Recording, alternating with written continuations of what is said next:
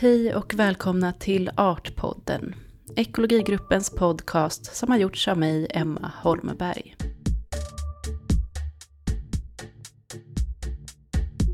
Idag har jag med mig Thomas Bannerhed för att prata om myrmarker, fåglar och skildringar av naturen i litteraturen.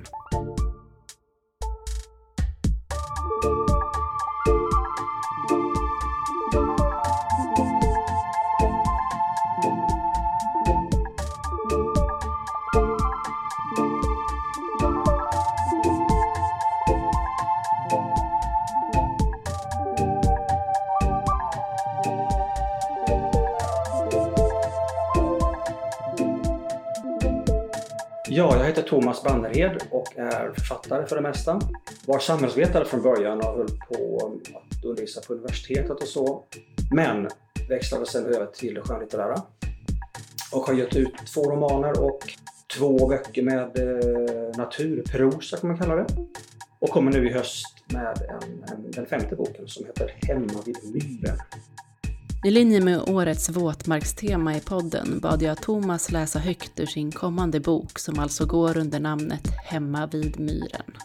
Vi börjar med kapitlet Näktergalarna i Pallupoje. Alla läte nu efter regnet. Allt som droppar och sisar och knäpper.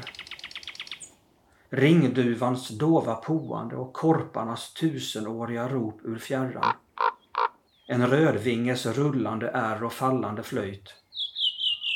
Gökarna som nyss kommit från Kongo och Nigeria och gal som tokiga från alla håll. Så ligger dimman plötsligt tät mellan stammarna, liksom kommen från ingenstans. Vi sveper filtarna om oss och smakar på det hemgjorda svartvinbärsvinet. Dricker direkt ur flaskan och blir 19 på nytt. Mörker och månklart sen och nattfågelorkestern tar över neråt sjön. Med visslingar och svirr, drillar och surr och snärp. Och så näktergalarna. De estniska paradisfåglarna. När vi ligger nerkrupna i var sin sovsäck men ändå vill vara tätt tillsammans. Lite näktergals leende när de aldrig ger sig. Bara verkar bli fler och fler, sjunga högre och högre. Och över myren hänger Jupiter och lyser för oss i natt.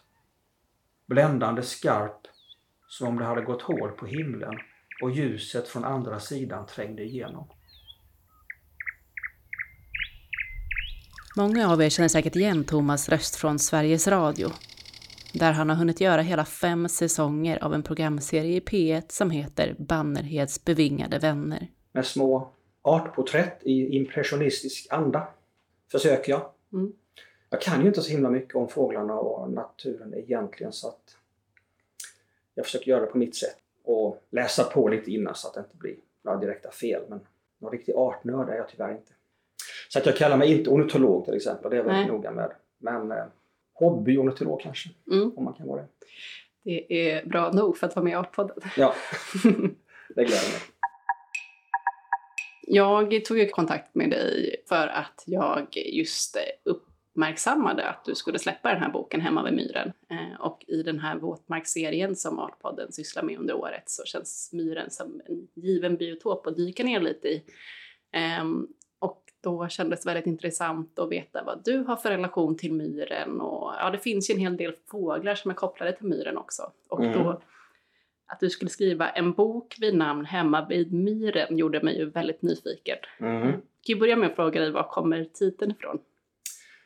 Ja men den kommer faktiskt eh, hemifrån södra Småland. Eh, där jag växte upp. Mellan Växjö och Tingsryd.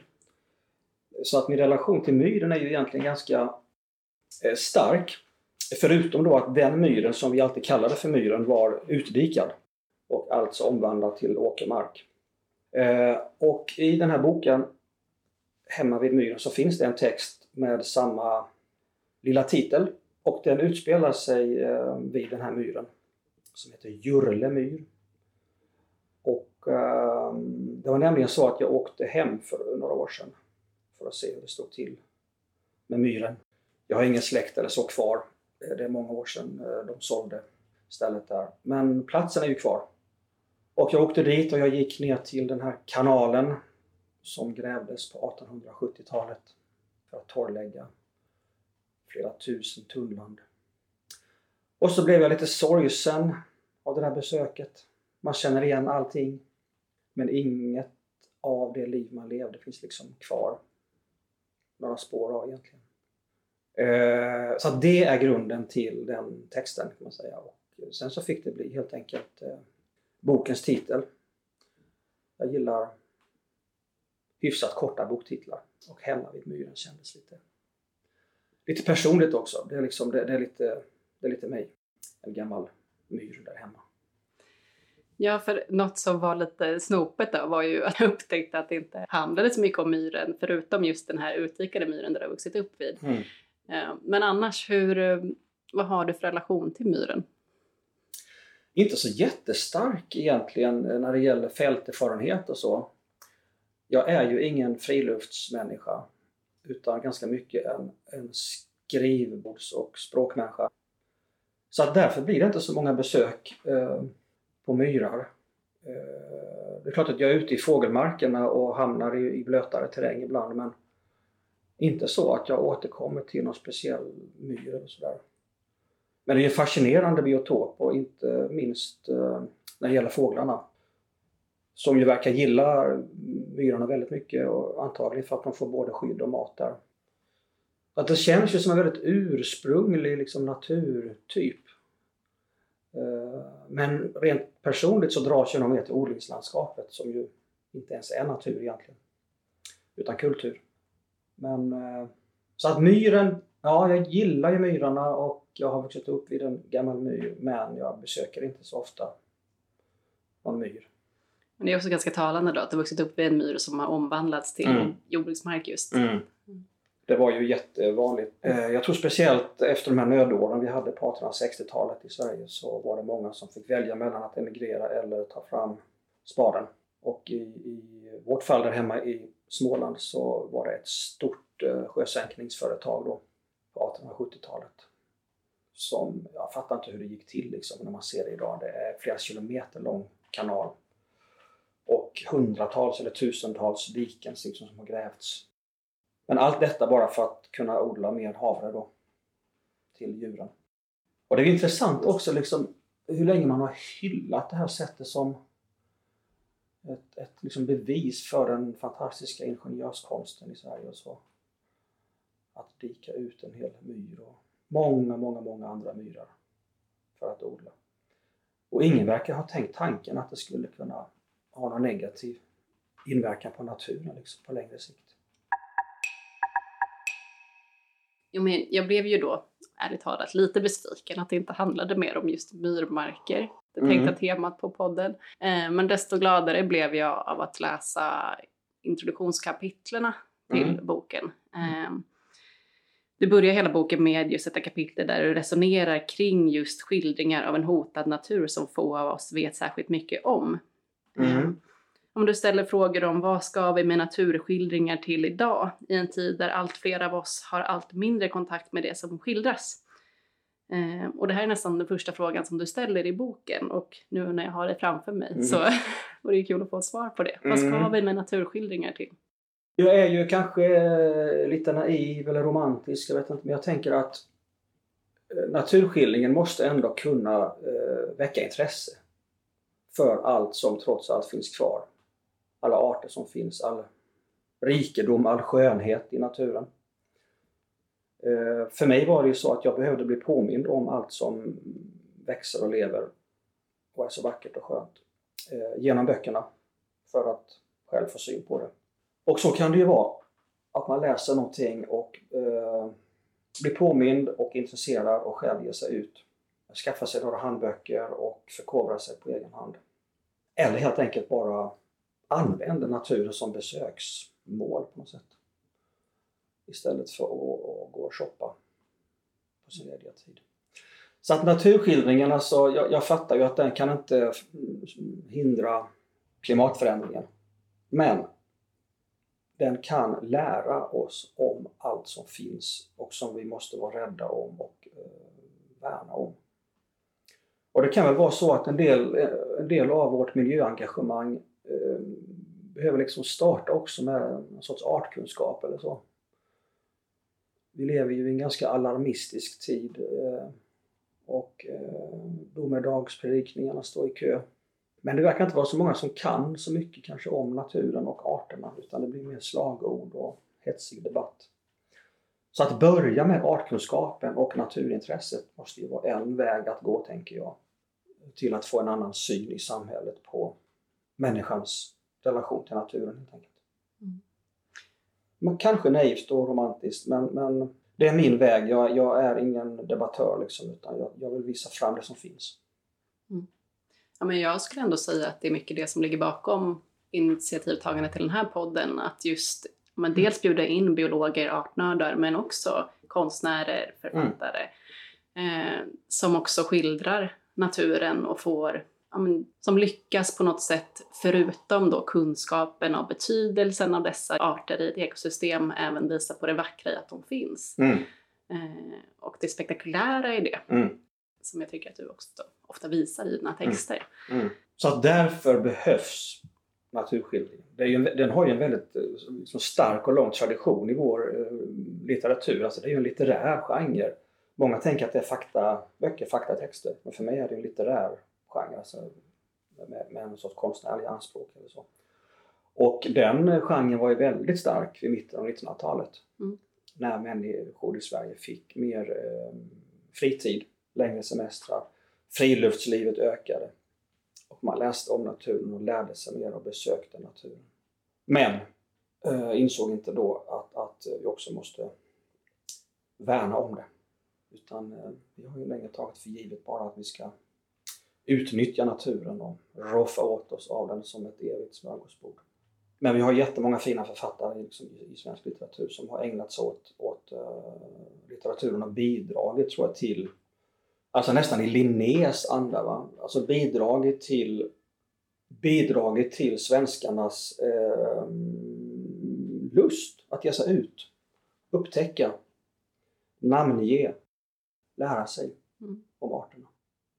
Ja, men jag tänkte komma till det, just namngivandet. Um, för det är någonting som jag själv tacklas med. Jag försöker lära mig namn på arter. Men eh, ja, du, du, skriver den frågan också. Spelar det egentligen någon roll om vi kan skilja röllikan från hundlokan eller taltrastens sång från näktergalens? Spelar det någon roll? Jo, men jag tycker ju det. Eh, alltså jag har full förståelse för och såklart respekt för att man kan ge sig ut i naturen och bara vandra på måfå utan att bry sig om vad eh, växterna och djuren heter. Inte ehm, tycka att det spelar någon roll vilken fågel det är som hörs. Men eh, för mig blir det en annan rikedom alltså, om jag kan orientera mig. Ungefär som att man klarar sig bättre i ett främmande land med en, med en karta och, och, och, med vissa språkkunskaper. Ungefär så tänker jag på artkunskapen. Kerstin Ekman brukar ju kalla det där för, för, för liksom ett grönt virvar skulle bli för henne om man, om man inte visste någonting, bara ge sig ut i skogen eller, eller på en myr utan att veta vad växterna och djuren heter eller vad som finns där. Då blir det liksom bara ett grönt virvar. Och jag behöver kunna orientera mig. Jag blir lite nervös tror jag annars. Så att för mig är artkunskapen ett språk och en karta som berikar upplevelsen. Eh, så nyfikenhet och vetgirighet är ju viktiga drivkrafter för, för, för människan, har alltid varit. Och sen den andra sidan av det är ju att om man vill liksom eh, skriva om naturen eller, eller liksom bidra till kunskapsbildningen på olika sätt. Då måste man ju veta, tänker jag, vad, vad liksom blommorna och fåglarna heter. Man kan inte bara prata om en vit blomma eller en, en högljudd fågel i största allmänhet. Nej. Om jag tänker att ett argument för det du säger finns också i din beskrivning av storspovens sång i eh, din text som heter just Hemma vid myren. Eh, du skriver att den där spolåten som igen slår an något i en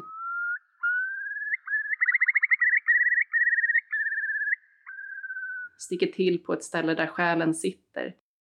Det där lätet som börjar så ödsligt och prövande men strax stegrar sig till ett bubblande jubel. En sorts pulserande extas och tonerna skjuter iväg i båge över myren och allt.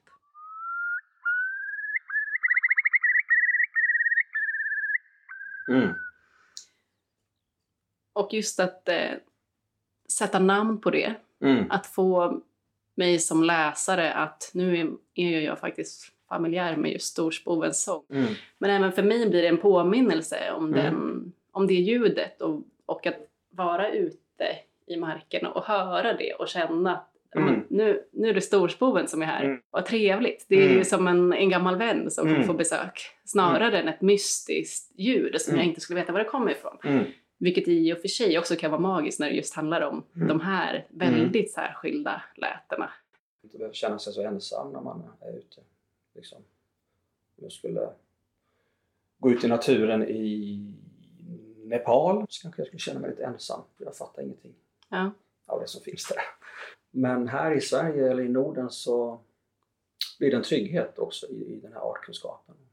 Att känna igen Mm. läten och, och blommor och träd och djurens beteende.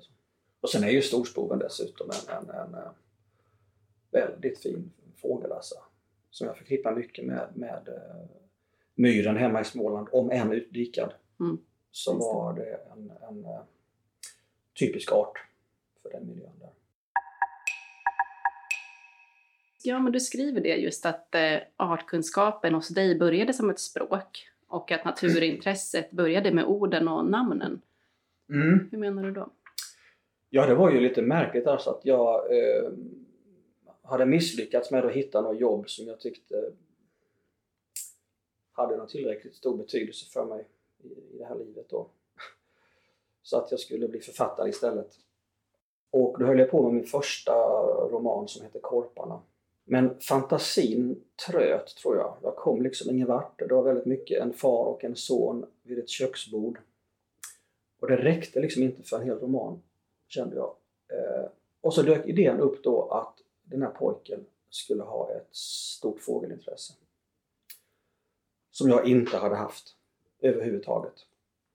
Därför att i ena ändan av den här eh, myren hemma så eh, ligger det en fågelsjö. Som var en, en, en, eh, ett väldigt stort eh, besöksmål för, för folk från hela länet som kom dit för att kolla på fåglar. Lidhemssjön. Och jag bodde jättenära den, hade kunnat cykla dit på en kvart men jag var aldrig där. Men så den här pojken i boken, han, alltså jag kände ju till miljön, jag visste väl om sjön och hur många som var där och vad den betydde för många. Så tänkte jag att han skulle kunna vara en av dem. Och då kunde jag ju inget om fåglar så att jag började läsa de här naturskildrarna som jag eh, sa att vi har haft så många av. Eh, Erik Rosenberg och Harry Martinsson och eh, Björn von Rosen. Och, ja, det finns många. Gubbar var de på den tiden. Kerstin Ekman är ju en stark företrädare idag. Så läste jag dem, och Gunnar Brusewitz kanske är mest av alla. Så läste jag dem och så slogs jag av den här otroliga rikedomen som finns i själva eh, språket som omger fåglarna och, och naturen och växterna. Och det blev jag lite knockad av så att jag läste många böcker och satt och antecknade i mina vaxdukshäften. Alla dessa vackra ord och termer och gamla namn och så. Och eh, tyckte liksom att det var mm, ren poesi även i liksom fälthandboksprosan. Där man ju läser om, om fåglar som ryttlar och ruggar och sisar. Och så läser man att de har en vingspegel och en, en blinkhinna och en undergump. Och så läser man att det finns meståg och spökvråkar. Och så finns det skuggsång och hemortstrohet. Sådana här otroligt vackra termer och namn. För att inte tala om då själva artnamnen. Med aftonfalk och nattskärra, sommargylling, ängspiplärka. Det där sjöng i mig alltså. Och bidrog i hög grad till att fåglarna blev jätteviktiga i hela den romanen. Mm. Och har fortsatt vara det i nästan allt jag skriver. Mm. Nu har jag tänkt att jag ska sluta som fågelgubbe. Eh, så vi får se med det ambitionen. För att jag har, eh, jag har inte så mycket mer att säga om dem, tycker jag. Men, men fram till idag så, så har de berikat mitt skrivande jättemycket. Inte minst tack vare språket, termerna, orden. Eh, ja, våra, våra liksom husdjur fick ju ta det som blev över om man jämför med fåglarnas namn. Alltså, svin och get och så. Inte så mycket att komma med det. Jämför med sommargyllingen. Nej, det är verkligen så. så det har varit fantastiskt eh, berikande. Ja, än så länge är det tydligt att Thomas fortsätter att fascineras och inspireras av fåglarna. Inte minst i texten om tofsvipan, orossjälen bland vadarna.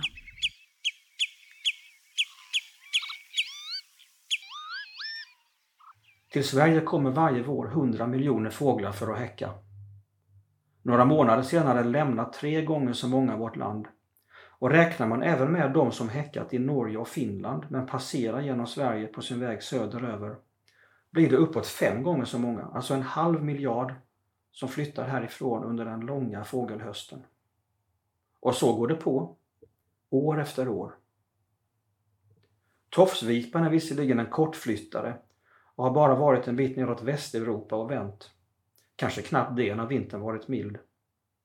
Men så är den också ett av våra allra tidigaste vårtecken. I februari och mars var de här igen och i maj ligger de på ägg. Och den som vill veta något om vädret som väntar kan ge akt på var vipan har rätt sitt bo. Lägger hon äggen lågt blir det torrt och varmt. Lägger hon dem högt blir det regnigt och blött. Vipan är jordbrukarens följeslagare och samtidigt orossjälen bland vardarna. Vårbräckningens osaliga ande vars läte skär genom allt. Ständigt är den i farten, irrande runt som en skuggfigur i ljusdunklet om kvällen och långt in på nätterna. Jamar och tjuter som barnens kalastutor. Far upp och flaxar runt i kastande flykt med sina stora svarta rundade vingar slår volter och tumlar till marken och är uppe igen. Men så blir den stående en stund ute på strandängen. Och när man kommer så nära i kikaren är det ju alldeles tydligt och klart att tofsvipan inte är så svart och vit som man kunnat tro. Fjäderdräkten skimrar i alla möjliga färger. Går i varmgrönt och purpur med både gulaktiga och skatblå inslag.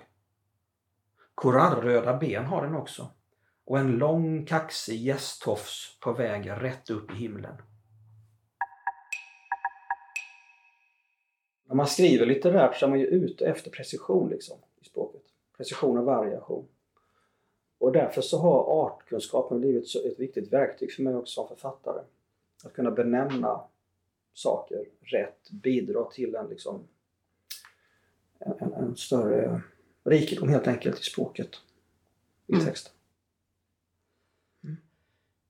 Ja, jo, men det ger ju verkligen någonting. Just korparna, något som har satt sig, är just det här mötet flickan och pojken mm. ut, som går ut och kommer i kontakt med rördromen mm. av en slump. Det är ju mm. en, en scen som har satt sig som är där verkligen själva naturskildringen bidrar mm. till stämningen i situationen mm. på ett väldigt vackert sätt. Och just den scenen kom faktiskt till beroende lite grann på det här med min, min fascination för fågelnamn och så. Därför att jag vill, hade bestämt mig för att ha med den småfläckiga sumphönan i romanen. Jag tyckte det var ett fantastiskt namn. Eh, ja, det finns ju ingen storfläckig till exempel och, och dessutom är det en rallfågel och ingen höna egentligen. Ja. Men jag ville få med småfläckig sumphöna och sen så utvecklades det till den här långa scenen med pojken och, och med Klas och Veronica och rördrommen då som blir huvudfigur där. Så det är mycket man inte vet från början när man skriver skönlitteratur. Texten tar en med sig mm. på oväntade vägar. Och det var ju flera som uppskattade den boken får man ju verkligen säga. Mm. Ja. Mm. Jo, det var lite kul. Jag kände själv när jag var klar med den att, att uh, den var lite för gammeldags kanske. Att man borde komma med något nytt och inte gamla småländska bönder från 70-talet. Liksom. Men jag höll på så länge med språket så det kanske kompenserade för det redan eh, genomtröskade temat. Ja, jo, det, det slog an något. Mm. Absolut. Men jag tycker att det var kul också hur du beskriver att, eh, ja, men att du förstår att folk kan vara ändå skeptiska till just naturskildringar. För att varför inte bara ge sig ut i naturen? Varför sitta och läsa Mm. den? Mm. Vad har du att säga till dem? Ja, nej men alltså jag har full förståelse för det. Det är ju, det är ju lite grann vad man har för intressen. Liksom. Men, men en litterär naturskildring är ju också en konstnärlig upplevelse. Alltså det, det är ju en, som att läsa litteratur i bästa fall. Men sen är det väl också det att man kan få syn på saker som man inte hade tänkt på. En, en naturskildrare kan ju föra in en annan blick liksom på något bekant. En gråsparv eller vad det kan vara. Som man kanske inte hade reflekterat över. Eh, man, man blir ofta lite vaneseende i sin vardag och så. Så att tillföra ett annat seende, ett annat perspektiv. Man kan också bli tagen eh, genom texten till platser man inte skulle ha besökt. Så att där har ju, i tider som man inte kan besöka, kanske för hundra år sedan. Så att det finns ju stora möjligheter liksom genom texten att komma i kontakt med sånt som man inte hade kunnat göra rent empiriskt liksom själv, med sina egna sinnen. Men självklart åker jag själv också ibland hellre ut till, till eh, Gälstaviken här utanför Enköping eh, än att bara sitta och läsa. Så att det är ju ett, växel, ett växelbruk som också är bra för min ständigt pågående fortbildning på detta område. Att läsa och att erfara i fält om vartannat. Liksom. Mm. Det är melodin, tror jag. Sen är ju natur, alltså naturen är ju så fantastisk för att man blir aldrig fullärd. Jag har nu hållit på i 20 år och, och, och förkovrat mig ganska intensivt på egen hand. Men herregud alltså.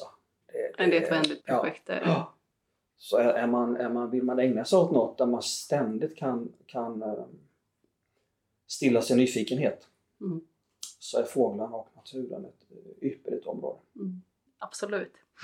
Men jag tycker att det är ju tydligt att du har en nyfikenhet och att du fortsätter din fortbildning. Och framförallt när du i då boken Hemma vid myren beskriver hur du djupdyker i nationalcykeln för Sveriges flora och fauna på ett sätt som jag inte tror är särskilt vanligt. Mm. Men som även där, alltså, likt att du lockar ut i naturen så lockar du faktiskt även mig till att slå upp de här verken. Mm. Ehm. Jag skrev någonting om, om um, mossorna till exempel Ja. nationalnyckeln. Och du beskrev det som en motståndshandling att ens producera de här böckerna idag. Ja, just det. På Ja, vilket hur- sätt menar du då? Ja, det låter ju lite eh, ganska passivt motstånd kanske. Men... Nej, men hur menar jag med det? Jag menar väl att alltså, vår tid är ganska högljudd och liksom alarmistisk och eh, eh, Alltså alla kan inte limma fast sig på motorvägarna liksom. Även om det kan behövas olika uttryck så.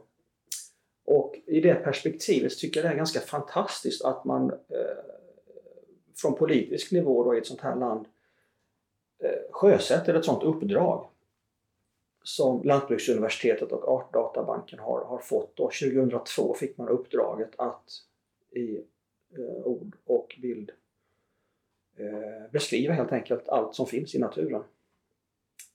Alla arter. Eh, då tänkte man att det skulle ta 20 år. Nu har det gått eh, över 20 år sedan uppdraget eh, tilldelades eh, Artdatabanken och eh, de har inte kommit speciellt långt. 21 volymer av planerade 100. Så låt oss säga att det kanske tar 50 år eller 80 år innan hela Sveriges natur är beskriven i detalj i ord och bild. Jag tycker att det nästan kan beskrivas som en motståndshandling. Alltså en sorts, inte uppgivenhet såklart, utan, utan en, en, en, eh, att presentera allt detta finns. Varsågoda att ta del av denna rikedom. Eh, förstå också att vara rädda om den. Det ligger liksom underförstått på något sätt. Det här långa, det är nog det jag menar kanske med mots, alltså det här långa, långa, långa perspektivet. Som man kanske också måste ha parallellt med politiska debatten i, i, i nutiden. Liksom. Det långa perspektivet. Tusentals år, hundratals år. Ett bokverk som sträcker sig över 50 eller 80 år. Ja, Någonting sånt. Och nationalnyckeln har ju dessutom haft den fördelen, det talas ju överallt om artutdöende, eh, med all rätt säkert. Eh, men hittills har man ju upptäckt över 3000 nya arter genom nationalnyckelns liksom, produktion. Därför att alla experter eh, som ska vara inblandade i bara mossorna tror jag var fyra volymer. Liksom. Eh, och under, under den datainsamlingen så har man upptäckt väldigt många nya arter. Så det är ju lite grann en, en motståndshandling på en konkret nivå. Mm. Okej, okay, arter dör ut men vi tillför nya här på något sätt. Vi ska ta oss tillbaka till myren. Ja. Tänkte ändå att jag skulle utnyttja dig som då hobbyornitolog. Eh, har du några favoritfågelarter som gillar att vistas på myren? Ja, men storspoven då som vi har nämnt är, är ju en, en favoritfågel eh, överhuvudtaget. Eh, inte riktigt varför. De har ganska oansenlig dräkt, så, men det är ju någonting med, med eh, spellätet framför allt. Den här bubblande eh, extatiska drillen. Och sen den här sabelböjda, eh, liksom orimligt långa näbben. Det är fantastiskt att, att den kan se ut på det där sättet.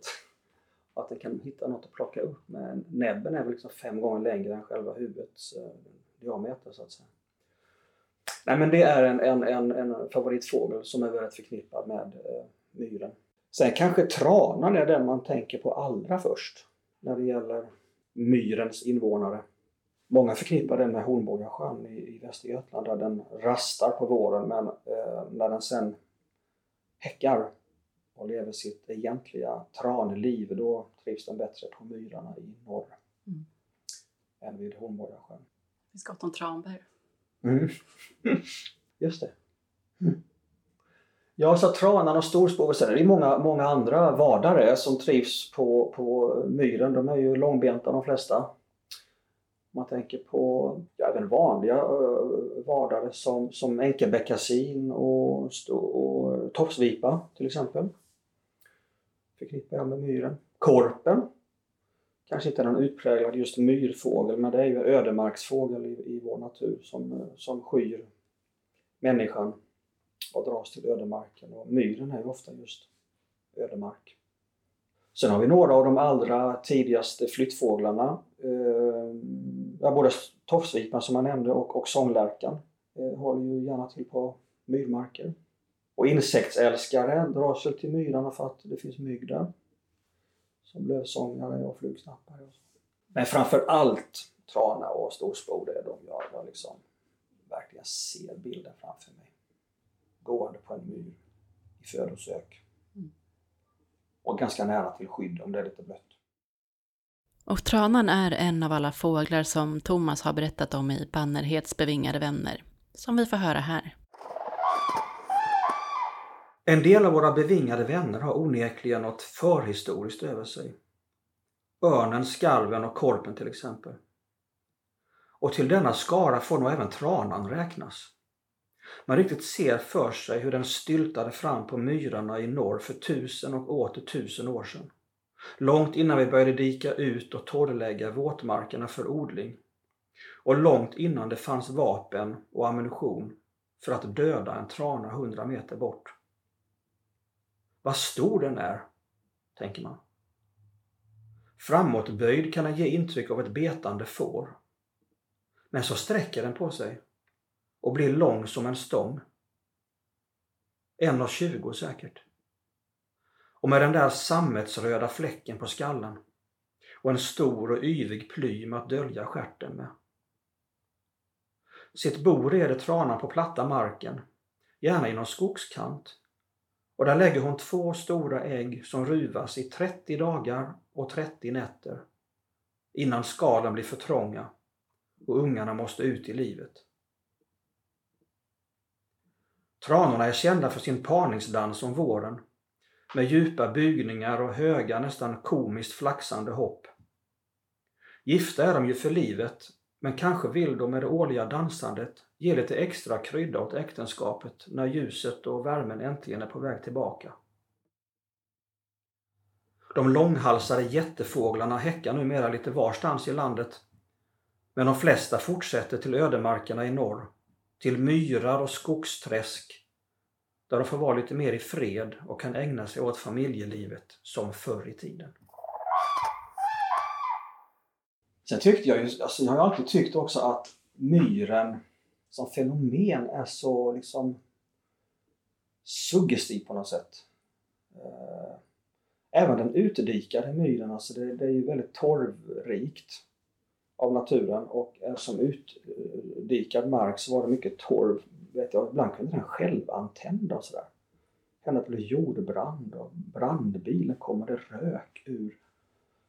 Så beskrevs det ibland som att det var nästan osläckligt. Så det var nog väldigt mystiskt med det där. Och sen de mer vilda myrarna med sina eh, tuvor och höljor och gungflyn som man varnades av de gamla för att beträda. Man kunde dras ner, det kunde vara bottenlöst och så. Det var ju otroligt suggestivt och, och skrämmande och lockande. Ja, yngre. Så att myren är ju någonting alltså med det här torvbildande, uråldriga biotoperna som lockar.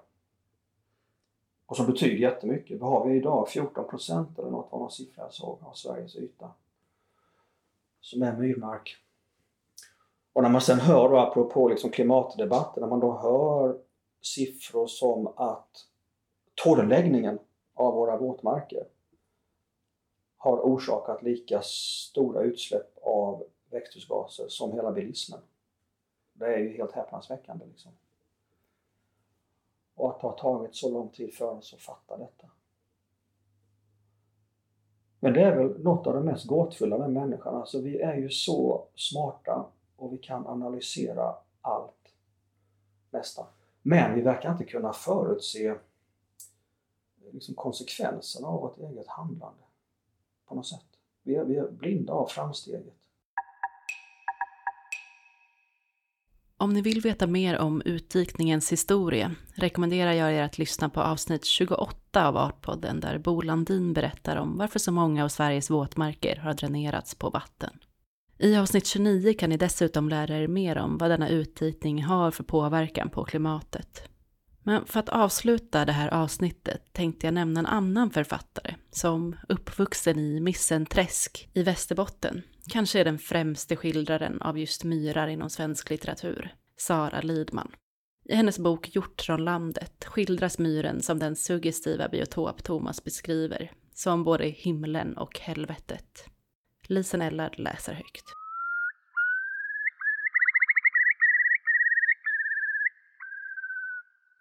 Sumpmarken var täckt av tjorvigt, sekt ris och stripiga tuvor. Däremellan var lömska dypölar. Den var tunggådd och efterhängsen. Ville inte släppa ifrån sig de människofötter den en gång fått grepp om. Ful, illaluktande, jämmerlig. En kort tid om hösten kunde den klarna upp. Det var när markriset blev rött och gräset gult. Då lyste sumpmarken och man kisade och såg på den i stort. På försommaren blommade slöjet, vita bedjande hjortronblommor. Och barnen kom hem till ön och skrek och skröt om den löftesrika snotterblomman. De skulle plocka och sälja tunnor med snottrer till överhetspersoner av skilda slag. De skulle bli rika och köpa sig skidor och munspel. Men de vuxna stod inte att förleda. De vägrade att ens komma och se på blomningen. Och så sista blomveckan. Den allra ömtåligaste. Innan de sega foderbladen hunnit fram.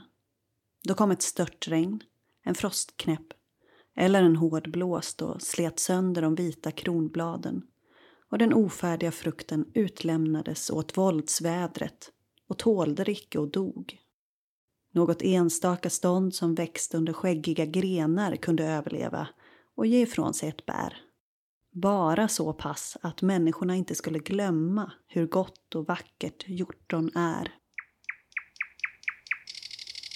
Men så en sommar vart sjunde eller tionde år höll sig ovädren borta den känsliga veckan. Luften stod mild och stilla och lät snotterblommen sätta frukt och mogna. Ett sånt år blev slöjet oigenkännligt. Du såg inte marken för gulröda bär. Till och med småskogens lipande dropp upphörde. Om sol eller icke. Det slog upp ett sken från marken som förtrollade allt. Då kom barn och vuxna från ön. Det var ett liv och en lycka. Ingen hade ont av myggen. Om någon steg fel och blev gyttjig till knäna skrattade han salig. Bären var skimrande fuktiga. Människorna måste föra en handfull till läppar och kinder och mumla väna ord. Hur mild och härlig var icke tillvaron en sådan dag.